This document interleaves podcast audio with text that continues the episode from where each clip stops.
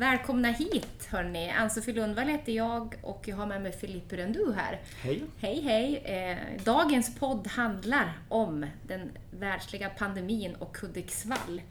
Eh, vi har ju i år tacksamt tagit emot ett pris som Årets Företagare och för vår personal var det viktigt att ge tillbaka till bygden för att fira detta. Så att vi har eh, sett till att eh, dela ut frukost till vårdpersonal som har skött om eh, covid-sjuka på sjukhuset för att visa uppskattning för vi är så glada att ni finns. Anna Fredriksson har vi med oss här som är vårdenhetschef på IVA. Hej! Hej! Hej! Och så har vi med oss Johanna Lyrén, ja, är medicinsk ledningsansvarig för IVA. Ja. Det är svåra ord för oss som jobbar med mäkleri det här, men, men vi försöker oss på. Kan ni berätta vad, ni, vad, vad era roller är här på sjukhuset? Anna? Ja, jag är ju ansvarig för personalen egentligen, Mm. som jobbar på intensivvårdsavdelningen. Och jag är narkosläkare med inriktning intensivvård Mm. och i min roll som medicinskt ledningsansvarig så ansvarar jag för den medicinska säkerheten på intensivvårdsavdelningen. Ehm, se till att vi har bra rutiner och bra maskiner och så, men Ja. har inget eh, personalansvar. Mm. Hur har ert samarbete varit under den här tiden då pandemin har varit i världen? Ja, den har ju varit tät, men den, det är den ju innan också för vi kan ju inte annars heller jobba utan liksom Johanna och hennes... eh, Behöver varandra? Vi behöver ju Ja. varandra. Mm. Johanna behöver personalen och, Ja. och vi behöver Johanna. Liksom. Ja. Så, mm. Hur, hur många är ni totalt som jobbar här på IVA? Eh, Vi är eh, ett 50-tal sjuksköterskor och undersköterskor. Och det delas i förstås olika skift. Ja. Ja, vi jobbar ju tre skift. Mm. Mm. Så att, hur, mycket är beman- bemanningen per skift? Eh, Dagtid så är det fyra sköterskor, fyra undersköterskor.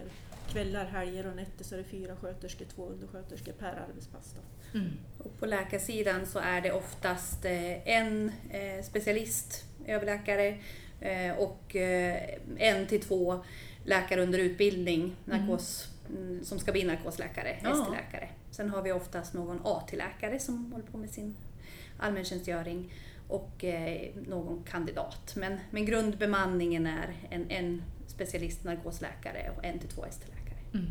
Och på, på kvällar och nätter är det en narkosläkare. Mm. Har ni behövt öka med personalen under pandemin? Ja, oh ja. Mm. Eh, omvårdnadspersonalen vart ju nästan dubbelt så stor den gruppen. Eh, I och med att du också då efter ett tag insåg att du behövde dela upp och så bara bedriva verksamhet på två ställen så vart det ju ännu mer personalkrävande. Var tog ni den personalen ifrån? Ifrån operationsavdelningen.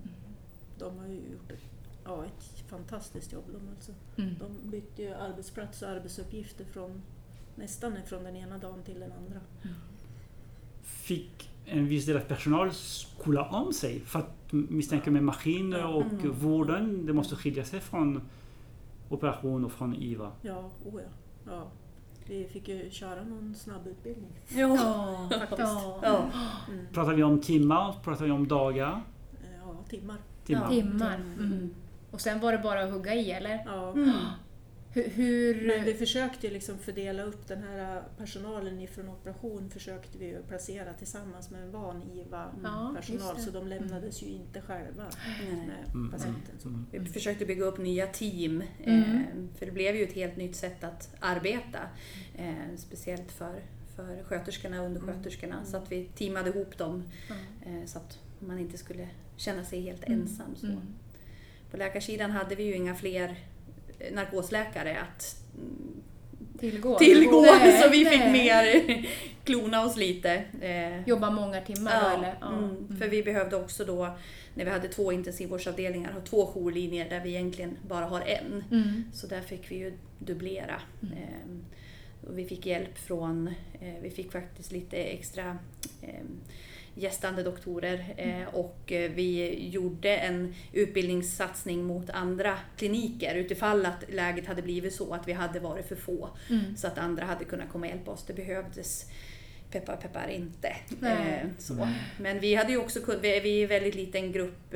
Vi är ehm, sju specialistläkare Mm. ehm, och något fler ST-läkare. Men hade vi Ingen av oss har eh, haft covid-19 men hade några av oss blivit sjuka då hade det ju verkligen varit svårt med bemanningen. Hade- ni, ja. Hade ni patienter på båda ställena? Mm. Ja. Ja. Och om ni skulle beskriva eh, dåtiden när det här hände och vad vi är idag. Hur, hur, hur mådde ni och hur mår ni idag? Ja, det, i våras när det här började så handlade det ju väldigt mycket om att lägga upp och lägga om planeringen för att kunna ta ett mycket större antal patienter än vad vi är v- vana vid och vad vi är bemannade för. Och vi pratade mycket eskalering, hur ska vi öka, öka, hur ska vi fördela våra eh, maskiner, apparater för att det ska räcka till så många patienter som möjligt. Eh, och ovissheten, hur många kommer det röra sig om? Ja. Kommer vi få dubbelt så många, trippelt så många eller kommer det bli som Italien där det låg där de låg som varann. på varandra Ja, på ja. bilderna. Eh, Mycket av våran tid i våras då innan det började var ju liksom organisera, organisera Mm. rutiner. ja. Tänka Det- olika scenarier. ja. Mm. Men jämfört med andra länder, det fanns ändå en liten längre Ja. startsträcka Ja, på något ja, sätt. ja, så att, eh, visst. ja. Och vi låg ju också lite efter Sverigemässigt. Ja. Att Ja. Stockholm, Eskilstuna, Mälardalen Mm. låg ju hela tiden före. Gävle låg före Mm. oss Mm, också mm. om man tänker i patientflöde. Mm. Så vi, det, det var ju andra som, som, som ja, där vi kunde se lite mer vart det var på väg. Mm. Och lära sig lite Ja. av vad som hade hänt där och så. Då. Ja. Ja.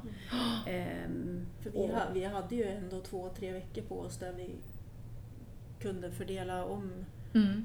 ja, utrustning, personalen, göra nya scheman Ja. för att vara på de här två olika ställena. Hur, det hade man ju liksom inte in- i söder. Där, stod Nej. det, var ju helt plötsligt bara patienterna på det bara akuten hände. Ta hand om mig. Ta- Ja. Mm. Ja. Visst. Hur tänker man rent ledarskapsmässigt där du säger nya rutiner, strukturer och hur, hur, hur har ni lett er personal? Det som var svårt det var ju att nå ut med informationen Mm. hela tiden eftersom det hela tiden kom nya rön. Och, och så hann vi tänka ett varv till och så vart det ett scenario till som vi började spekulera i. Och, Jaha, men hur gör vi nu då? Ja, det var, det var mycket, mycket information som behövde komma Ja. ut och det Mm. försökte vi ändå satsa på Ja, ja. för att det var det, det finns ju naturligtvis ett stort behov bland personalen att veta vad som händer. Eh, så vi försökte vara transparenta med det om vart, vart vi är och vart vi är på väg och att det kan ändras när som helst. Ja. Eh, och att det beslut vi tar nu är baserat på det vi vet idag. Mm. Kommer det ny information imorgon så kommer vi behöva ändra vad vi gör. Hur ofta kom det ny information? Ja... Eh, I alla fall en gång- organisator, I alla fall en gång per dag- dygn. Liksom. En gång Ja. per dygn? Ja. Om det är någonting nytt organisatoriskt eller provtagningsmässigt Mm. eller smittskyddsläget, hur var smittspridningen? Mm. Eh, rent medicinskt hur vi skulle ta hand om själva patienten var väl inte riktigt lika ofta men Nej. jag skulle säga att varje vecka när jag gick ut med information till personalen om hur vi skulle sköta de här patienterna så var det ju någonting nytt. Ja. För att metoderna har ändrat sig under tiden. Mm. Och Ja. medicin och... Ja. Ja, det- var vissa mediciner som vi använde i början av pandemin där man tänkte att det var, det var bra mediciner att använda eh, som ganska snart upptäcktes att det hade ingen effekt och snarast gav biverkningar. Sånt måste man ju vara på tårna och snabbt då ta tillbaka och Ja. inte ge patienterna. Eh, Sen kom det nya studier, eh, speciellt från England, som visade att ett läkemedel, kortison, var bra för de här patienterna. Mm. Då måste man ju vara snabb med att ta hem det läkemedlet och börja ge det till patienterna. Ehm, Så, så det har ändrats lite grann under resans gång eh, vilka läkemedel som finns att ändå försöka stävja det här även om vi inte har någon behandling mot själva viruset. Var det brist på läkemedel? Var det, var det strid för att få, för Ja, att få precis. hit Få det? hem det. Ja. Ja, det var ju det nationellt ja. sett. Nu var ju Hudiksvall just, vi var ju förskonade att vi fick ju aldrig vårt worst case scenario. Vi fick aldrig överfullt eh, på avdelningen. Så att för oss så har det mest varit hot om att vi Mm, inte ska mm. få eh, Mm. läkemedel. Och vi har ju lagt om vilka läkemedel vi använder för att spara om man säger så. Eh, Men vi har ju aldrig stått i en situation där vi, oj nu är det Mm. slut, vi måste göra på något Nej. annat vis. Utan vi har kunnat lägga lite steget före. För att man har hört typ som för ormar, man blir ormbiten, det finns ganska få eh, motgift i Sverige för det kostar väldigt mycket och sen det går ut ganska snabbt, två, tre år. Ja. Är det så att ni har också gett till andra sjukhus och fått, eller hur har ni gjort det? Har ni, Vi har inte Ja, vi, fick, vi, vi fick några läkemedel ett tag ifrån Gävle. Ja just det. För de hade lagt på sig ett större lager egentligen. Mm. Så, men, eh, Det Mm. var ju det som blev att man, vi var ju, våra lager som vi har är ju baserat på den, den vanliga förbrukningen, vad vi Mm. brukar Ja, ha, eller hur? baserat på de fem platser vi har. Mm. Nu utökade vi där vi skulle kunna ta hand om uppemot 15 patienter, Mm. tredubbla. Mm. Och då har man ju inte ett lager för det. Nej. Och det är ju någonting som har varit väldigt omdebatterat generellt i Sverige, liksom att ingen har ju beredskapslager Nej. längre. Utan det är mycket just in time, Mm. att man ska ha precis Mm. som man Ja, klarar ja. sig. Och, för man inte vill stå med stora lager. Mm. Men här blev det ju tydligt att viss lagerhållning måste vi ha, annars klarar vi inte en sån här plötslig Mm. ökning. och det gäller ju inte bara läkemedel utan det, det är samma med allt förbrukningsmaterial. Munskydd, Munskydd, plastförkläden, handskar. Mm. Ja. Vi som inte kan sjukvård på samma sätt som er har ju fått väldigt mycket information från TV, media. Det har ju liksom sprutat ut detaljer, liksom svåra bilder att ta in och, och ganska tufft tycker jag, när Ja, det gäller tufft, ja. orosmässigt också. Hur, hur har ni upplevt den liksom, grejen? Nu kommer ju väldigt fokus IVA. Det blev ju, det blev ju väl, verkligen ansiktet utåt för pandemin. Hur har det varit? ja, ovant. Ja, Ovant att få Ja. fokuset, Ja. absolut. Eh, däremot själva vården eh, är ju i mångt och mycket den vård som vi alltid ger våra Mm. patienter. Eh, så, så pandemin är ju naturligtvis intensivvård ja, med extra allt, men, men själva vården vi ger patienterna är ju den vård vi ger alla patienter. Så det är ju på ett vis varit vår vardag, fast mycket, mycket mer. ja.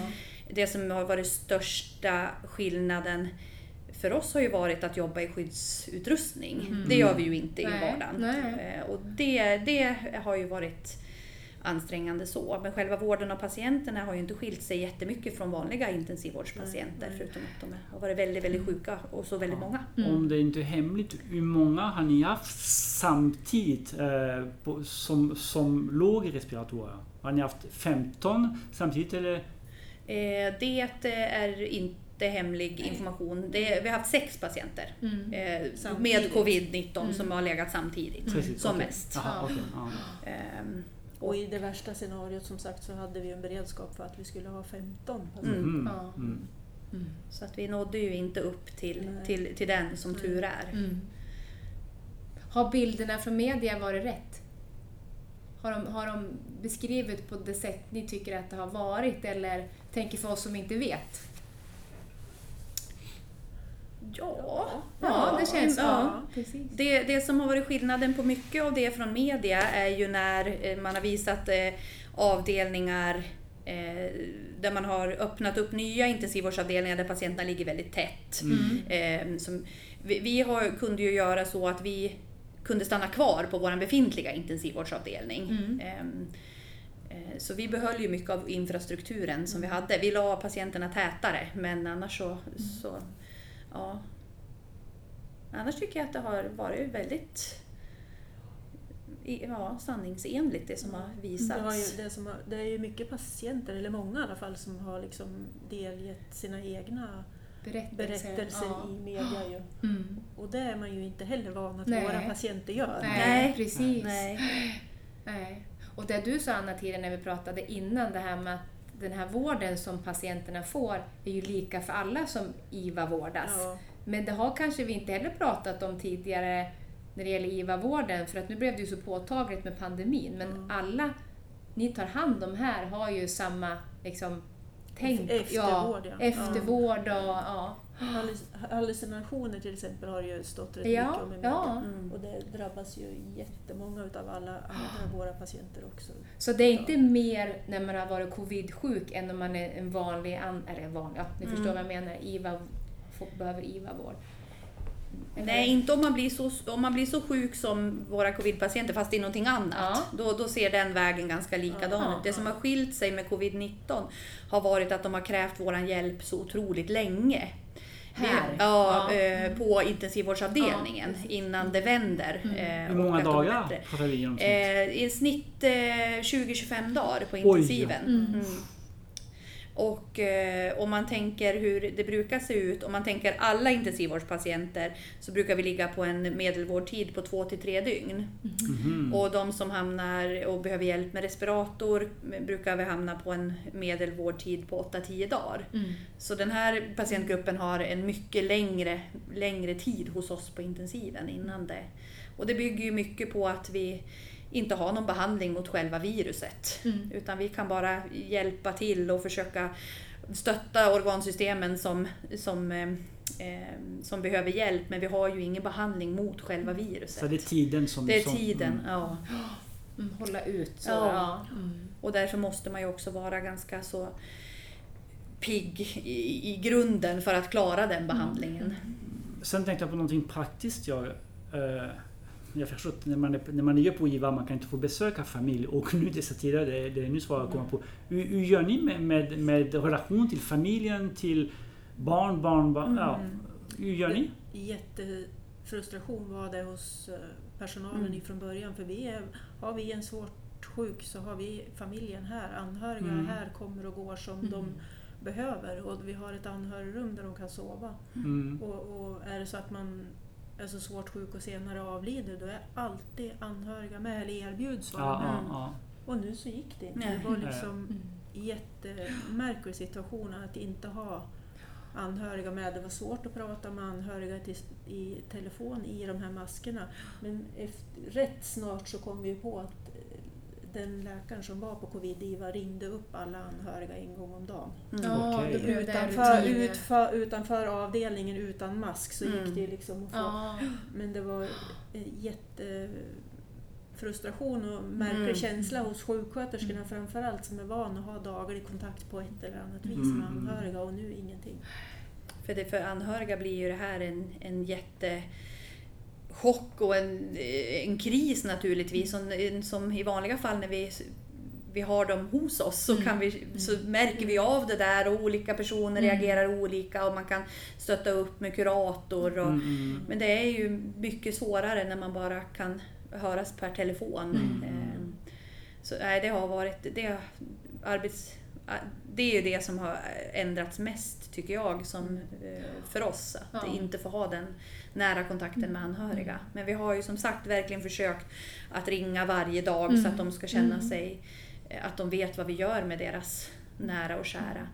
Sen så någonting som jag är jättestolt över också att vi har fortsatt att hålla i är ju det här med att vi har skrivit en IVA-dagbok. Mm. Personalen skriver, vi skriver ju journalanteckningar Ah, och det är ju mer för vården. Men vi för alltid en, intensiv, en IVA-dagbok där vi skriver idag, lite mer i du-form. Idag har du Jaha. har vi gjort så här, idag ringde den personen. Eh, Så, och, vilket vi vet sedan tidigare är jätteuppskattat. För, för patienten är ju intensivvårdstiden ofta ett helt svart hål. Minns nästan ingenting. De har varit nedsövda stor del och många minns inte heller den sista biten. Utan, Mm. och då är det, är det så skönt att kunna titta i den där dagboken. Vad hände mig när jag låg på IVA egentligen? Vi knäpper bilder och, och så. Och det vet jag att vissa sjukhus var tvungna att prioritera bort för att det, det blev för mycket att göra. Man kunde inte det. Men det har vi försökt att vara väldigt noga med att fortsätta göra. Mm. Och det, de patienter som vi har pratat med efteråt har ju ty- uppskattat det väldigt mycket. Ja, det förstår man ju. Vi tog Mm. vad, vad, var vad hände här? Ja, ja. Mm. Hur, hur, eh, idag då, när vi sitter här, hur, hur upplever ni situationen här? Hur är läget? Ja, nu är det ju lugnt. Vi har ju inga inneliggande covid-patienter överhuvudtaget, varken hos oss eller på covid-avdelningen. Covid-avdelningen har ju också bantat ner så de ju, har ju inte lika många vårdplatser längre. Och vi kan förtydliga, vi är runt den 8-9 september 2020 så att Ja. folk vet. Ah, Ja, okej, precis. ja. Och vi, vår sista patient gick ju härifrån 24 juli tror jag, 24-25 juli. Mm. Så sen har ju vi inte haft någon covidpatient på intensivvårdsavdelningen. Så det, det är väldigt bra. Eh, Vi vill ju dock... Det, vi tror ju att mycket är ju på grund av att folk följer riktlinjer och rekommendationer. Och, Som, Som att tvätta händerna och hålla avstånd. Ja. Ja. Eh, För det... Vi, vi, vill, vi, vi vill inte att någon ska behöva uppleva det här igen. Nej. Ehm, Vad har ni använt den tiden nu när det har varit lugnare? Har ni reflekterat över det ni har varit med om? Ja, Ja. det, det gör vi ju nästan varje dag. Vi, för det, det finns ju fortfarande en oro också. Mm. Vad, vad Mm. händer i höst? mm. Vad hände när skolorna började för några veckor sedan?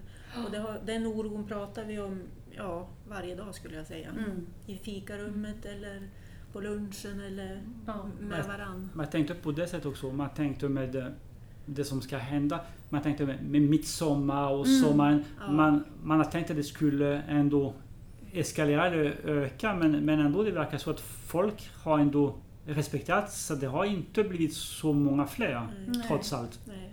Vi hade en liten ökning i juni Ja. och då precis när semesterperioderna började. Det Mm. var, all personal behövde ju verkligen semester. Och då, då var det med oro i magen Ja. när vi började få fler fall precis där i början av juni. Men eh, det var en liten, Mm. en liten topp som Mm. gav sig snabbt. Ja, så att, ja, eh, ja. jag tror också att folk har verkligen lyssnat på, på rekommendationer under sommaren. Och, och, Mm. Och det pratas mycket om, om en andra våg. Mm. ja, hur tänker ni kring det? Ja, vi, vi hoppas att det inte blir någon andra våg, men vi, vi har ju, vi ju, ja, vi har ju beredskap för att kunna ja, öka upp igen och ta Mm. emot fler covidpatienter. Mm. Eh, Men vi hoppas ju verkligen att det inte ska behöva hända. Mm. Mm. Och den personal som ni hade då skulle i så fall, du sa medicin, ni skulle kunna gå tillbaka till det läget som var då och få uppbackning och... Ja, ifrån, och från operation. Operation, förlåt, Ja, ja. ja, precis. Ja. Men då innebär ju för det det är ju ändå många patienter nu som skulle ha behövt opereras Mm, under våren som Ja, inte har fått sina operationer. Nej. Och på något vis så ska vi ju börja hämta i, Igen. igen där Mm. nu. Och, Och det hamnar vi i en andra våg och behöver hjälp av operationspersonalen igen, ja men då är vi ju liksom på ruta ett igen i Ja. operationskön. Mm. Eller inte ruta ett, snarare något steg bakåt, till och Bakåt, med. Ja. Mm. För det, det, det, det finns ju verkligen patienter som har hamnat i kläm Mm. av det här. Ja, ja. Vi har ju opererat alla som har behövt opereras eh, av medicinska skäl. Det har gjorts medicinska prioriteringar under hela våren naturligtvis. Mm. Till exempel cancer och Mm. eh, akuta saker har vi ju opererat. Men det finns ju många som, som väntar och som, som lider svårt Lider naturligtvis av att kanske vänta på en höftoperation eller så. Mm. Och sen finns det ju väldigt många också som inte ens har kunnat komma till mottagningsbesök för att det har varit så neddraget. Mm. Eh, Så att det är ju det finns ju väldigt många patienter som... Och sen är det många som har inte vågat Nej. uppsöka vård. Nej. Nej. Därför de är har det. varit rädda att bli smittade och också visa också med hänsyn att inte belasta vården. Ja. Mm. Så tror jag många tänker, nej, Ja, men jag ja. väntar det. Ja. De har så mycket där de ändå nu. Ja. Ja. Men Så, där, så såg man ju ifrån början jättetydligt Mm. på akutmottagningen. Ja. Antal besök Mm. bara tvärdök. Ja. ja. Fick ta hand om ormbetten själv hemma. Ja. Får väl i att gå i skogen. Ja, Ja. just det. Om ni skulle säga någonting till oss som bor då här i kommunen. Ni säger att vi ska fortsätta tvätta händerna och såklart. Eh, något mer som ni vill ge oss råd för att vi inte ska hamna i en andra våg? ja, fortsätta lyssna på de rekommendationer som ges från Folkhälsomyndigheten. Mm. Eh, och, eh, och, och att vi kommer att behöva leva med det här ett eh, bra tag framöver, kanske Mm. år. Eh, vi får se vart det kommer med vaccin, om, eh, om, om det kan lätta upp det hela. Eh, men annars så, så ja. Ja, men du, när du säger sådär, du tror och tänker att eh, fram till september 2021 har vi kvar eh, covid? År, som- ju längre är det. Ja. Ja men ja. sluta nu. Ja. Nej, Nej, ja, ja, just det här med att vi inte vet, kommer det en andra våg? Mm, Va- Vart mm, är vi på väg? Och man tänker, det känns ju som en evighet, men samtidigt är det ju bara ett halvår sedan som Mm. vi ens visste. Vid, vid nyår visste vi inte ens att det här fanns. I januari började vi höra från Kina. Det är ju ändå en väldigt kort period Mm. om man tänker i det stora perspektivet. Ja, och det är det som är ändå väldigt konstigt för att det började i mars drabba Europa. Va? Först man trodde det var bara en Kina-grej.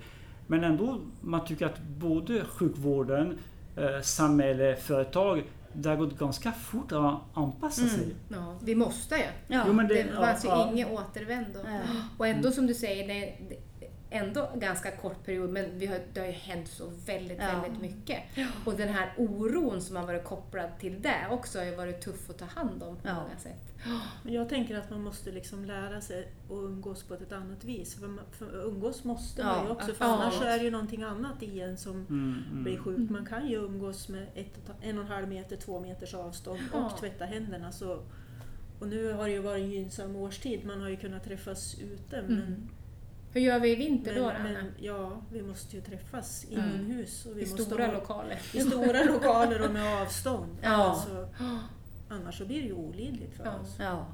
Ja, och jag tänker om vi hade, om, i början utav det här och du hade sagt att det här får du räkna med i år, flera år, då hade ju många inte mått så bra. För Nej. Det, det är nog bra att vi inte har fått veta det förrän nu Ja. också på ett sätt. Ja. För att hur hade, vi, hur hade vi mått då, Ja. när vi kände den pressen som Ja. var i början? Jag tänker också för personalen. Ja. ja. Hur hade de mått då, liksom, om man hade fått det till sig? Men jag tycker det är jätteviktigt det Anna säger att vi måste ju hitta ett annat sätt att, att ja, men umgås. Och det vi har lärt oss mycket är ju att ja, men det funkar att ha möten på Skype. Ja. Vi Ja. kanske inte ska ha alla möten på Skype men eh, vi kan ha mycket, fler sådana Ja, för att mm. precis. minska att ses i jättestor utsträckning. Men vi måste hitta någon slags lagomhet i det där så att Mm. vi fortsätter må bra. Ändå, Ja, ja. ja, ja. det det, ja. Och kanske lära oss uppskatta balans, ja. mindre så, alltså, Ja, det, det lilla kan kännas som det stora när man Tidigare kunde vi vara så fri, nu är vi inte där, men det kan ändå uppskattas att vi kan göra små saker. Det absolut. tycker jag vi har sett i vår bransch, om vi ska prata där, att eftersom många börjar kunna jobba hemifrån Mm. så har man börjat titta på sin livssituation och säga ja, men jag kanske inte ska bo i en storstad utan jag kan köpa Mm. ett hus i Hudiksvall eller Delsbo eller någonstans här för att kunna hitta livskvalitet. Ja. Ja. Så att det finns ju, Ja, det finns ju det, andra ja. perspektiv i det kanske kommer något bra också. Och jag har börjat tälta istället för att boka hoteller. Ja, du ser! Så tältindustrin har gått upp. Det vet jag inte. Ja.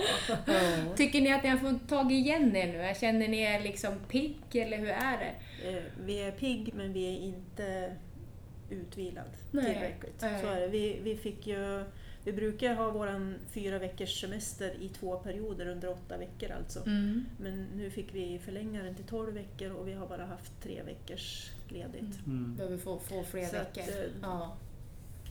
De allra flesta har lagt en extra semestervecka nu under september, början på oktober. ja, bra.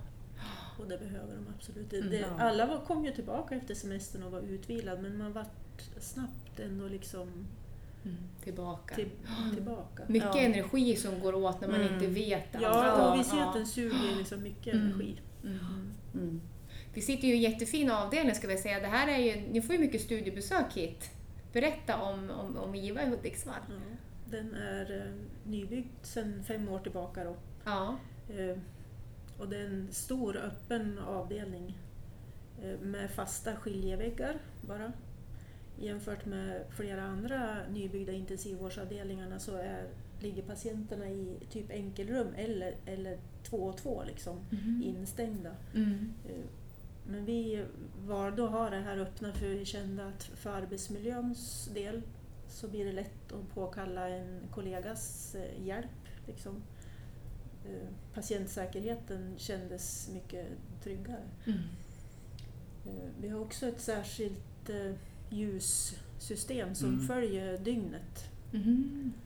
eh, som har gjort jättemycket för eh, personalen framförallt. Vi har ju hoppats också att den skulle ha någon lugnande effekt på patienterna men det har ju varit jättesvårt att Mm. mäta för vi ger ju ändå så pass mycket läkemedel. Men på dagen är ljuset väldigt kallt och blått och ju mera in på kvällen så blir det gulare och gulare för att bli helt gult Mhm. på natten.